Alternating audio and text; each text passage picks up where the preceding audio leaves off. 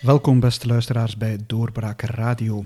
Het spookt in Groot-Brittannië en dan hebben we het voor één keer niet over de politieke strubbelingen die daar bezig zijn, maar eigenlijk over een nieuw boek dat onder andere Harry de Pape geschreven heeft. En die zit hier bij mij. Hoi, dag Pieter. dag Harry. Um, Haunted, over geesten en spoken in Groot-Brittannië. Hoe begint een mens aan een boek over geesten en spoken in Groot-Brittannië? Uh, goeie vraag, want had je me dat een paar jaar terug gevraagd, had ik waarschijnlijk met grote ogen aangekeken en gevraagd van, waar begin je nu over? Maar het is door een toevallige ontmoeting met mijn co-auteur, Erik, Erik de Keersmaker. Uh, we, ja, we hebben elkaar leren kennen uh, in zo'n uh, een bijeenkomst. Dat heet, dat is, dat, is, is, gericht op P.G. Woodhouse, dat is die Britse mm -hmm. auteur. En ja, die bijeenkomsten vinden onder elke maand plaats. Ik was ooit uit, uitgenodigd om daar ook eens naartoe te gaan. En ik zat met Erik aan tafel. En Erik bleek een enorme anglofiel te zijn. Dus meteen hadden wij al uh, een hele avond gesprek met elkaar. uh, en dan komt op een gegeven moment aan bod dat hij een collega had. Intussen is die vrouw, denk ik, niet meer zijn collega, maar ze was ooit zijn collega, Sue. En zij inviteerde hem ooit bij haar thuis om bij het gezin iets te gaan eten. En hij komt daar binnen en zegt: Ja, neem maar plaats. Alleen niet in die zetel. Uh, ik zei, oké, ja, goed. En blijkbaar kwam je dan te weten, behoort die zetel toe aan dat oude vrouwtje die hier al heel ja, eeuwenlang woont in dat huis. En dat is haar plaats. En hij leert daar dat die vrouw, heel normaal, en dat gezin ervan overtuigd was, dat daar dus een geest in huis zat. Zoiets iets Harry Potter-achtig Ja, en ja? vooral het grappige aan dat verhaal was, was de door de weekheid waarin dat werd meegedeeld aan hem. En dat we dan verder deed. En zo kwamen we verder aan, aan, aan, in gesprek, want dat zijn zo typisch, inderdaad, typische Engelse dingen, dat door de weekheid van een spook. Hè. Dat is niet iets abnormaals, dat loopt okay. hier rond, je moet dat negeren. Hè. En we, we zijn, ja, met dat idee, idee beginnen, daar beginnen graven.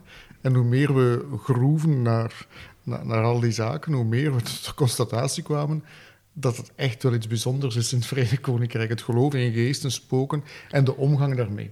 Dat is echt iets grappigs. Dus de, er zijn verschillende huizen die een spook hebben. Ja, en dat gaat dus van de grote houses, ja, hè, zo de kasteel. houses, ja, ja, die wel vast spook. Dat gaat ook naar gewone woonhuizen met mensen thuis. Hè. Een voorbeeldje in het boek is een sporadisch interview met Sting, de bekende zanger. Ja. Die wordt door een Iers dagblad geïnterviewd. En hij had kortelings zijn huis in Noord-Londen verkocht. En dat komt daar aan bod. En wat blijkt zijn argumentatie te zijn? Ja, zegt hij, ja, dat huis was bespookt. En hij zegt niet als grap, hij meent dat dan. En dan gaat het gesprek verder en blijkbaar dook er in zijn slaapkamer altijd een vrouw op uh, met kinderen. En hij dacht eerst van, dat, het, dat ben ik dat dat ziet. Ik, ik, die rockzangers, wat die allemaal dan snuiven en drinken, ik weet het allemaal niet. Maar zijn vrouw zag dat dan ook. Ah, oké. En ze hebben dat van elkaar, los van elkaar ontdekt, dat ze dat ook waarnemen. En ze hebben beslist om het huis te verkopen. Maar blijkbaar in het Verenigd Koninkrijk is een van de argumenten om jouw huis te verkopen, namelijk dat het bespookt is. Dat is geen abnormaal argument. Hè? En hoe verder je daarin duikt, hoe vreemder dingen je krijgt. Ik heb ook in het, in het boek geschreven een verhaal waarbij een, um, een raadslid, ik spreek over de jaren 50 nu, een korting vraagt op zijn uh, huisbelasting op zijn kadastraal inkomen. En zijn argumentatie is, omdat mijn huis bespookt wordt, hè, dus haunted is, vind ik dat ik minder belasting betaal op mijn woning. En de raad heeft, dat, heeft die vraag goedgekeurd, maar vond dat een valabel argument om die, minder, die man minder uh, kadastraal inkomen te laten betalen. Zo van die zaken. Echt, is het iets dat dan echt breed in, in, in, in Engeland, Groot-Brittannië ja. voorkomt? Ja, toch wel. Uh, volgens onderzoeken uh, zouden vandaag er in het Verenigd Koninkrijk meer Britten, Britten rondlopen die in spoken geloven dan dat ze in God geloven. Oké. Okay. Ja. Dus dat is toch altijd tekenend. Hè? Ja, uh, ja dat, is, dat is vrij breed. Hè? Um, maar, maar, zijn er dan ook spokenjagers? Ja, ja, ja. En, en ver, kan, kan je een spook uit je huis laten jagen? Ja, je hebt er allerlei technieken voor. Die ah. staat ook beschreven in het boek. uh, ik, ben, ik, ben, zelf naar een bijeenkomst geweest van de Ghost Club in Londen. Die bestaat okay. al sinds uh, de tweede helft van de 19e eeuw.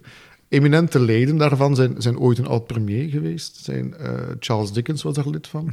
Eh, Sir Arthur Conan Doyle was lid van de Ghost Club. Dat zijn dus allemaal ja, serieuze namen. Ehm, en die komen nog steeds maandelijks samen. Ik ben ook naar zo'n bijeenkomst samen met Erik naartoe gegaan. En daar zitten dus... Ik dacht eerst, ja, dat gaat zo'n beetje een freaky clubje zijn. Ja. Maar de voorzitter is een advocaat uit Edinburgh.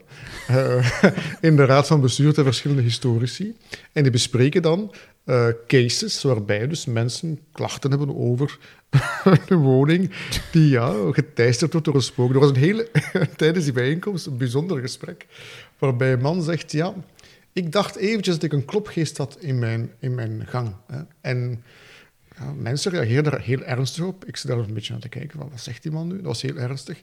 Maar dan zegt hij, ja, maar toch, ja, ik heb me dan vergist, er was geen klopgeest in mijn gang. Ik blijk gewoon een vortex te hebben in mijn veranda. Wat is een vortex? Is een poort naar een andere dimensie. En dat werd dan zo heel hmm, interessant en dat werd dan genoteerd. Ja.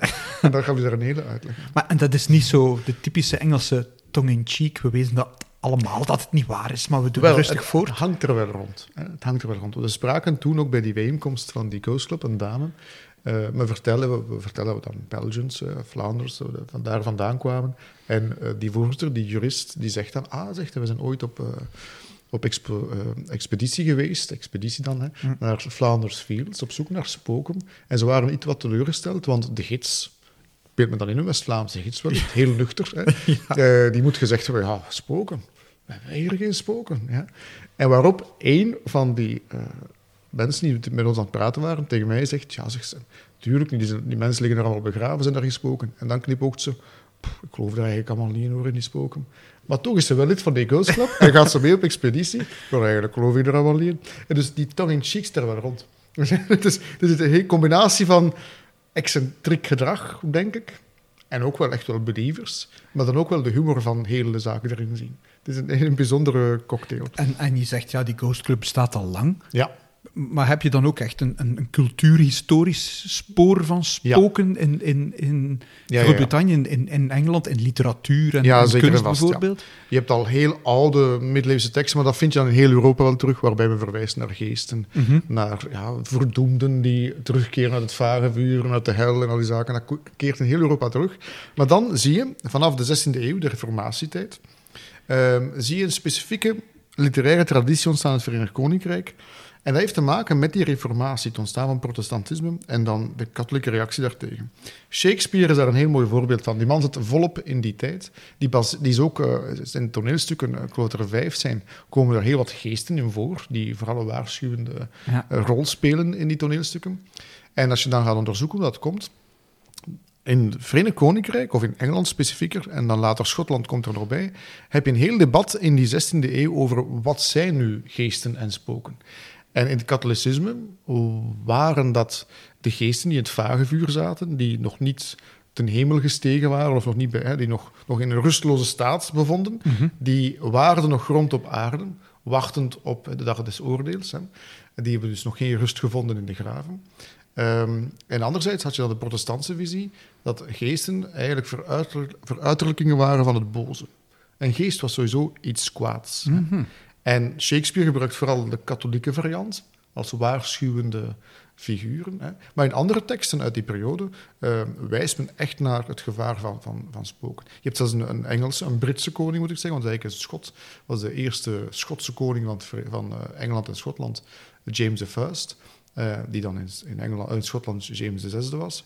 Eh, die heeft echt een heel boek geschreven, een demonologie heet dat, waarbij ook heksen enzovoort beschrijft. En ook een heel hoofdstuk rond wat zijn geesten. En in zijn visie, een protestant, zijn geesten echt iets kwaadaardigs. Hè? Veruitelijking van- de duivel. En zo je een hele literatuur ontstaan rond, in in Engeland, in het Verenigd Koninkrijk, rond geesten en treden die altijd op in die cultuur. En ik kan me ook inbeelden dat eh, een figuur als Shakespeare, die zodanige eh, indruk heeft nagelaten en impact heeft gehad op de Britse literatuur, dat in de navolging daarvan natuurlijk hè, heel wat schrijvers daarin verder want, gaan. want ik herinner mij ook eh, A Christmas Carol, Ja, Charles Dickens, Ja. de, de naam is hier al gevallen. Ook daar, als ik mij goed herinner, speelt een geest Ja. toch... een- Of de geest van kerstmis zelfs, dacht ik. Klopt, ja. Ja. Eh, dat is echt eigenlijk een spookverhaal. Hè. Dat is Mhm. een geestenverhaal. Het zijn, drie, zijn uiteindelijk vier geesten die daarin opduiken. Je hebt eerst de geest van Jacob Marley, de oude Oh, ja. compagnon van Scrooge, de hoofdfiguur. Die, Scrooge is een, een, een Die hem kerstmishater. Hè. Die hem komt waarschuwen. Voilà, die vanuit dat vagevuur komt zeggen, hè, pas op. En dan krijg je drie andere geesten. De geest van Christmas Past, Christmas Present en de geest van eh, Christmas, eh, Future Christmases, hè, Christmas to come.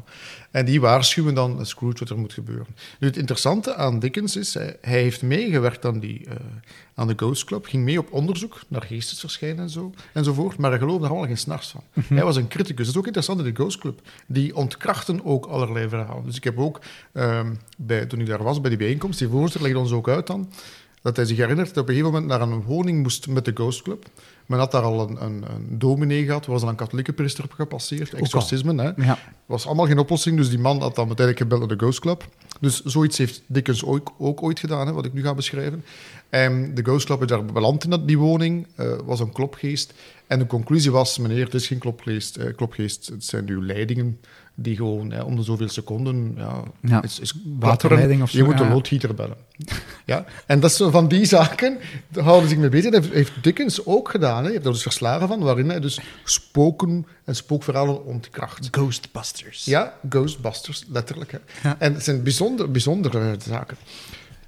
Ik, ik blader in, in, in, Hm, Ja. in je boek en ik zie daar ook ehm, eh, eh, een verwijzing naar Dracula. Ja, in Whitby Abbey, ja.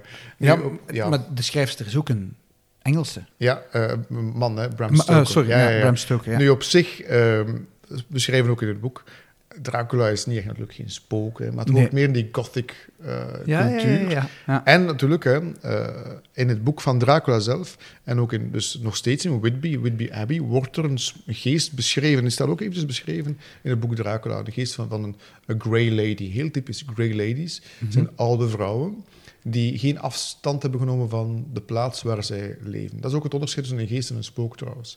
Een geest is eh, volgens de literatuur de, ja, een persoon die geen afstand heeft genomen van een locatie. In allerlei vormen. Dus die zit ook vast aan, Aan de locatie. bepaalde locatie. Ja. Ja. Terwijl een spook eerder een fenomeen is. ehm, dat kan aan een, aan een persoon. Dat, jij kan een spook hebben dat jou lastig valt. Hè. Bijvoorbeeld een klopgeest, heel klassiek, wordt vaak gelinkt aan pubers. Hè. Wanneer klopgeesten opduiken, zitten heel vaak eh, adolescenten in de buurt. En men zegt dat dat een combinatie is. Ja. Dus adolescenten trekken klopgeesten Ja, aan. blijkbaar. Ja, ja. Eh, herinner je ook al die horrorfilms van destijds? dat is Eh, niet direct mijn genre. Ah, mijne ook niet, voor alle duidelijkheid. Maar ik weet dat er ooit zo Ah. een van die films ging...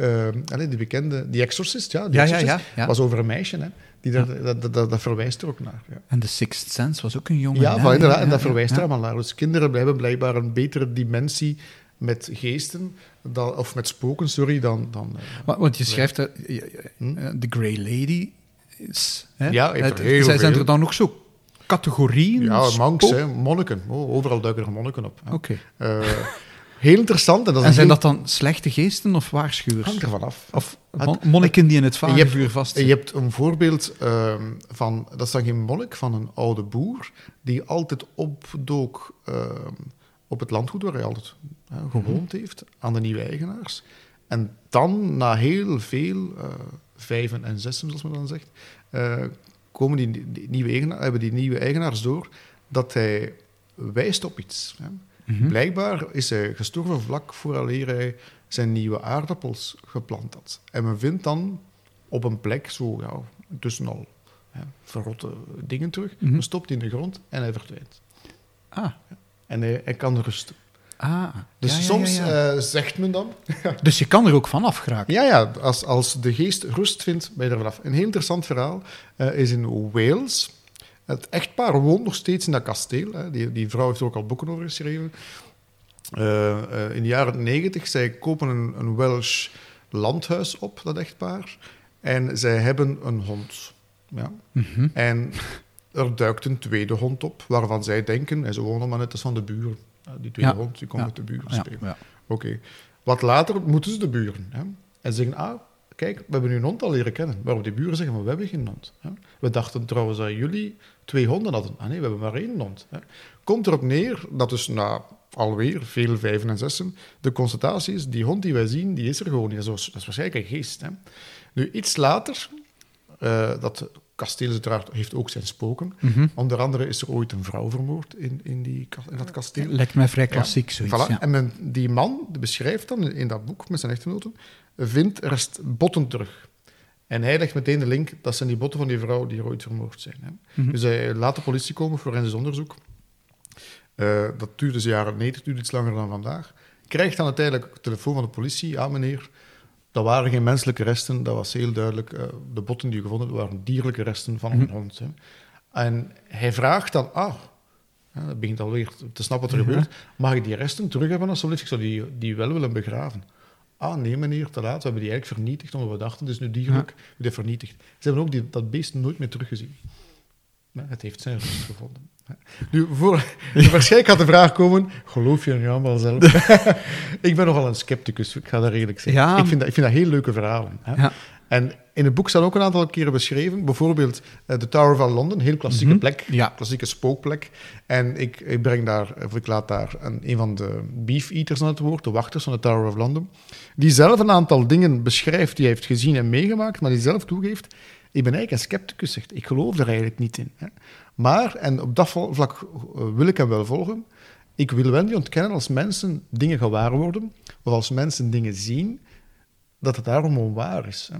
En ik kan dat wel volgen. Het is niet omdat dat ik het niet Mhm. zie, of dat ik er ook niet in geloof, dat jij niet iets kan gewaar Maar, hoe, hoe verklaar je dan dat, dat, Ja. dat bijvoorbeeld mensen onafhankelijk van elkaar een hond zien die, er, Ja. die niet bestaat? Ja, en om het om een beetje eh, toch naar, naar de wetenschap te brengen, heel recent, en dat is op Radio 1 geweest trouwens, heeft men in Nederland een onderzoek gedaan en men heeft geconstateerd dat onze zintuigen soms dingen waarnemen die er niet zijn. En dat heeft te maken met ons, ons hersenen spelen, spelen met ons. Ja. En wellicht ligt daar wel een verklaring in. Dat mensen wel dingen waar. Je kan niet zeggen dat het niet waar is, want ze zeggen, ja, ik heb het echt gezien. Ook hè, zoals verstandige mensen. Maar wellicht speelt dat, de hersenen... Langs de andere kant zegt men, ja, wij Ja. in West-Europa geloven allemaal niet in, in van die in. Ja, visioenen. dat, is, dat is echt niet waar. maar maar wij, zijn, wij zijn een uitzondering in de wereld. Ja, en ook, en ook is eigenlijk niet waar. Eh, toen ik dit boek aan het schrijven was, hè, je zit dan met, met, met kennis en vrienden aan tafel, eh, je vertelt er dan over. En echt waar, hè, Pieter, verschillende keren mensen die ik nu al jaren ken, die zeggen, ja, maar ik heb toch ook eens een keer zoiets meegemaakt. Mhm. En dan komt er zo'n verhaal en dat je denkt, kijk, voilà, dat zit veel dichter bij ons in- dan dat we zelf willen toegeven. In onze cultuur bestonden die verhalen ook. Ja, natuurlijk. Elke, elke, Ja. Er is zo'n reeks boeken over, Ja. over klop, allee, geesten Ja, en, en, zeker. En dat is hier eenmaal helemaal weggevaagd. Hè. Dat is hier eigenlijk een beetje... eh, En, in, in, zelfs in Ernest. Klaas eh, vertelt daar nog over. Hè? Ja, dat komt allemaal terug. Inderdaad, dat kwam allemaal vroeger ook aan, aan, de, aan de pas. Eh, ik herinner me nog bij ons de kludden. ja. Kludden, dat was even bij, bij mij in de streek. Er waren ook vaak van, Ja, je mocht s'avonds als het donker is niet alleen en buiten lopen. Sprong in je rug en je moest die vervoeren. was eigenlijk een plaaggeest. Ja. Voilà. Ik, ik heb dat als kind ook nog horen vertellen van mijn grootouders. Hè, Mhm. Van de kludden. en de kludden in mijn dialect Ja, maar- was ook zo'n ambetanter. Dat is Ja. kludden. maar, maar, maar hier is het weg Ja. En daar leeft en het daar nog. leeft het nog. En, en redelijk sterk zelfs. Hè. Straf. Eh, ja, want ik heb ook in het boek beschreven, er is, en dat die man is dan een wetenschapper die bezig is met, met eh, nucleaire technologie en al die zaken. Dat is echt een geleerde man die ook zegt, die zijn vrije tijd ook met geesten bezig is. Dat vind ik ook interessant. Ja. Die profielen, is, dat, zie, allee, dat link je toch niet bij ons aan Nee. iemand die met geesten bezig is. Daar dus wel. Dus een man, hè, eh, een kernfysicus, is in zijn vrije tijd ook bezig met geesten en zegt, ja, eh, het Verenigd Koninkrijk verliest een bepaalde kracht, waardoor minder en minder geestesverschijningen plaatsvinden. Hij legt dat wetenschappelijk uit. Niet, dat is ernstig hè, voor die man. Dat is heel vreemd. Maar daar leeft het nog wel sterker. Je hebt echt nog actieve ghosts, uit de, Ghost Club, maar nog kleinere clubs ook, die actief op zoek gaan naar verschijningen. Maar zijn er dan ook zo heel, heel bekende geesten of, of, of, of historische Eh, heel- spoken of geesten? Ja, ja, je hebt een officieel verslag, en dat ligt in het eh, Britse archief in Londen, waarbij een, een koninklijke commissie, Royal Commission, vaststelt dat er een spookveldslag vi- plaatsvindt in de slagvelden boven Naseby. Naseby in de slag uit de Engelse burgeroorlog is ook een typisch voorbeeld, een typisch Brits voorbeeld. In Engeland heb je heel veel spoken die uit die tijd van de Engelse burgeroorlog opduiken. Ja, Cromwell, Ah, King Charles I, soldaten die daar nog rondlopen, die nog geen afscheid hebben genomen van, van, ehm, van, van hun vechtpartij. Ook een jongetje met de rode sokken, eh, die ooit van een of ander kasteel eh, de parlementairen beledigde, waardoor die parlementairen, dat was dus de Republikeinse Mhm. fractie, hem eigenlijk gewoon van de kantelen gegooid heeft. Hij had zijn rode sokken aan en het jongetje met de rode sokken wordt nog steeds waargenomen in dat kasteel. Maar je hebt dus ook die koninklijke commissie die boven Naseby officieel is gaan vaststellen, ah ja, kijk ze, wij zien hier nu een veldslag plaatsvinden die hier eh, intussen twee jaar terug plaatsgevonden heeft. Nogmaals, de 17e eeuw, de 17e eeuwse commissie. Maar het is wel vastgesteld en het is getekend door de toenmalige overheid dat dit officieel erkend werd. En, en zijn er recentere voorbeelden? Oké, die, die Ghost Club doet het nog altijd. Ja, eh, er zijn verschillende recente voorbeelden. Hè. Eh, We kunnen misschien zeggen dat eh, Boris Johnson spookt. ja, maar goed, hij leeft nog Ja, natuurlijk. het is dat. Hè. Maar bijvoorbeeld Churchill is al waargenomen in de metrostations en dat heeft in de kranten gestaan. Enkele jaren terug. Je hebt een metrostation in Londen dat ooit rechtstreeks leidde naar de war cabinets. Hè, dus Mhm. die, er een gang naartoe was. En reizigers nog steeds worden daar een sigarengeur gewaar en zien een figuur als Churchill opduiken. Dat staat regelmatig eens in de krant. Ehm, maar je hebt ook andere verhalen, ook heel leuk. Je hebt ook een, een verhaal in de jaren zeventig van een, een dominee die samenwerkte met... Dus ik spreek nu eventjes over een dominee uit de 18e eeuw. Die samenwerkte met een, een prostituee. Zij moest mannen eh, lokken naar haar kamer, eh, hen eerst laten betalen en dan klopte de dominee hen dood. Ja, dat was het. Hè. Ja. Die dominee komt, on, ja, komt op een slechte manier aan zijn einde. En in de jaren 70 wordt die dominee gezien door twee jonge mannen in de London Docks. Hè. Hij loopt daar nog rond. Je krijgt een, heel, een hele mediacampagne rond die dominee die in de London Docks opduikt. Enkele weken later zeggen die twee mannen, jongens, hè, even op de rem duwen, wij hebben dit verhaal verzonnen, heel dat verhaal van die dominee met die prostituee, hebben wij verzonnen in een pub op een zondagnamiddag, omdat we dachten, we gaan eens testen wat het effect hiervan zou zijn. En effectief, de media staat er nu vol van. Ehm, en nog altijd, in 2000 en zoveel, wordt die dominee nu wel nog waargenomen. Hè? Terwijl die twee bedenkers ervan zeggen, stop, we hebben dit uitgevonden, dat verhaaltje bestaat gewoon niet zelfs. Ja, waarop dan een van die co-standers zegt, ja, maar nee, dat verhaal bestaat eigenlijk wel. Het is de geestenwereld die via jullie iets aan ons heeft bekendgemaakt. Ach zo.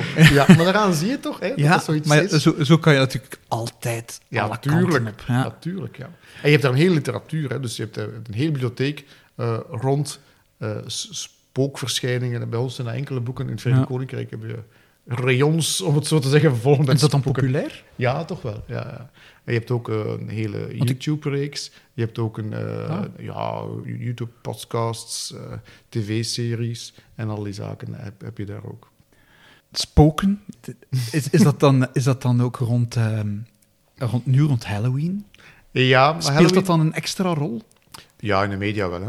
Ook vergeten, Halloween zegt nog iets Amerikaans, ook voor Britten hoor. Ja, Het ja, iets aan- ja, ja, het wordt daar wel want meer. het leeft ook hier meer en meer. Ja, ik hè. denk dat, ja, dat is zo. Maar je hebt ook dat Guy Fawkes Day, eh, Guy Fawkes Mhm. Night, hè, bedoel ik, 5 november. Het wordt nogal als iets Amerikaans gezien wel, maar allee, is maar, heb je dan een opstoot van spookverhaal? Ja, in de, in de pers hè, komt er dan naar boven.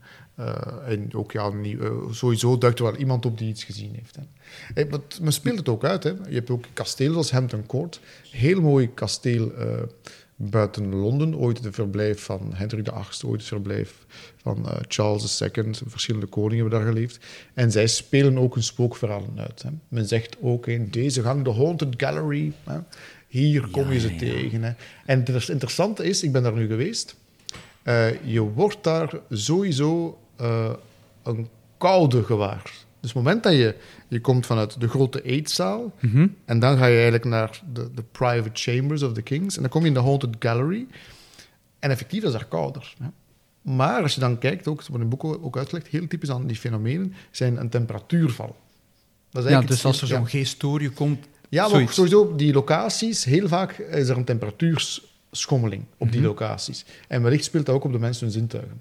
Het feit dat je van een warmere ruimte naar een koudere ruimte gaat, speelt ook op jouw zintuigen. Mijn, mijn volgende vraag ging eigenlijk zijn: heb je nu eigenlijk zelf al een spook gezien, Harry? Ik moet het teleurstellen.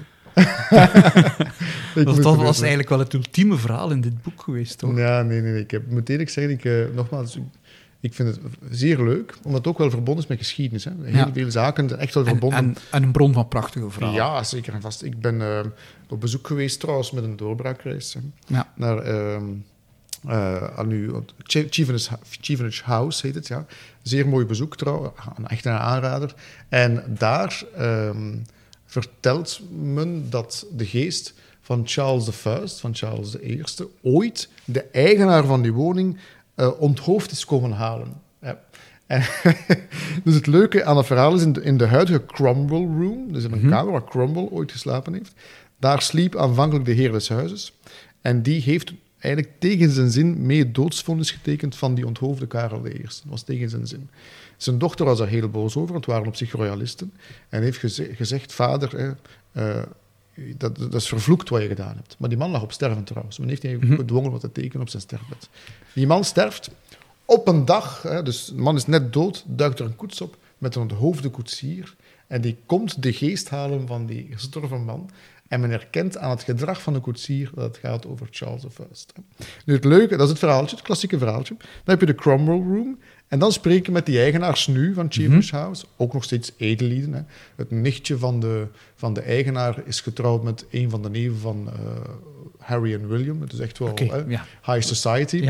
En die zegt, ja, zegt hij, wij laten regelmatig ghost hunters op ons landgoed komen, die vragen en die, die mogen komen. Hè. Mhm. Uh, en hij zegt, op een gegeven moment is er een heel team en die blijft hier een nacht in deze Cromwell Room. En s'morgens zijn die mensen extatisch. Die hebben een geweldige nacht gehad. Ze, weet, ze zeggen tegen mij, die hebben we nog nooit meegemaakt. Zoveel activiteit dat hier is. Hier is dat is echt bespookt, ongelooflijk. Maar zegt hem, en dan kom ik, die, mannen, die mensen vertrekken, kom ik mijn vader tegen. Dus die man leeft nog, een man achteraan in het negentig. Um, woont op de bovenste verdieping in de zolderverdieping. Ja. zolderverdieping. En die heeft ooit, in de jaren 50, 60, heeft als hobby heeft die, uh, miniatuurtreintjes. En heeft in een historische woning overal gaten geboord om zijn treintjes laten rondrijden op de zolderverdieping.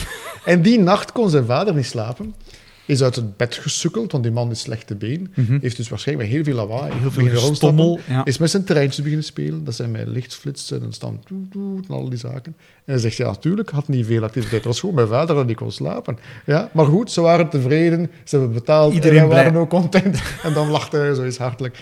dus ze haalden er slaat ook wel munt uit, uit die verhalen. Het is toch een bijzondere ja, cultuurgeschiedenis mm. of cultuurfenomeen. Ja, Heel die geesterij. Ja, en ook interessante verhalen ook. En dat is dan weer iets dat je denkt van, dat is toch iets raars. Bijvoorbeeld in York heb je het Stadsmuseum van York. En uh, ooit in de jaren 50 had je daar een, een man aan het werken, was toen nog leerling bij, bij een schilder. Mhm. En een loodgieter was bij een loodgieter. Hij was leerling bij een loodgieter. Hij was in die kelders aan loodgieterij bezig. En plotseling duikt er vanuit de muren een Romein op en dan een half paard, maar ze is allemaal half. Die man schrikt, valt op de grond, weet niet wat er gebeurt. Hè. Nadien loopt hij naar boven en komt hij de, de bewaarder van het museum tegen. was toen al een museum, want het was vroeger een privéwoning. En die zegt, wat scheelt er? En hij kan niet goed spreken, waarop die man zegt, ah, je hebt de Romeinen gezien. nu, die man wordt later een politieagent, vertelt jaren een stuk zijn verhaal, heeft er nooit een cent aan verdiend trouwens, nooit geen geld gevraagd voor zijn spectaculaire verhaal. Maar zijn beschrijvingen worden dan later door archeologisch onderzoek bevestigd.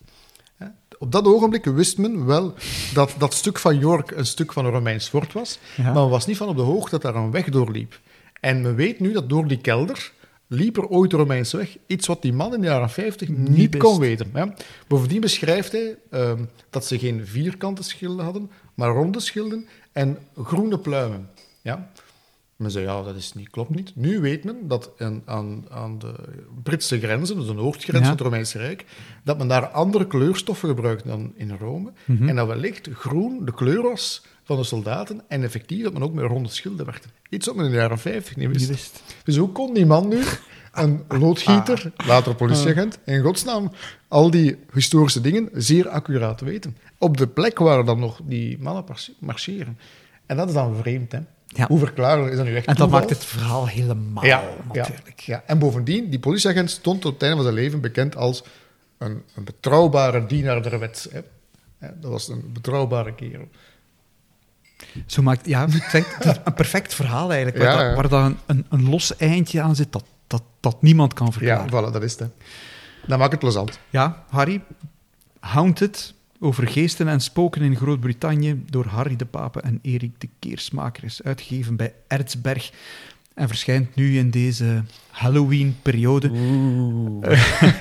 En uh, Ja, ik weet niet of er een gratis spook bijgeleverd wordt. Uh, ja, ja. Kan met, met een beetje goodwill kan dat wel.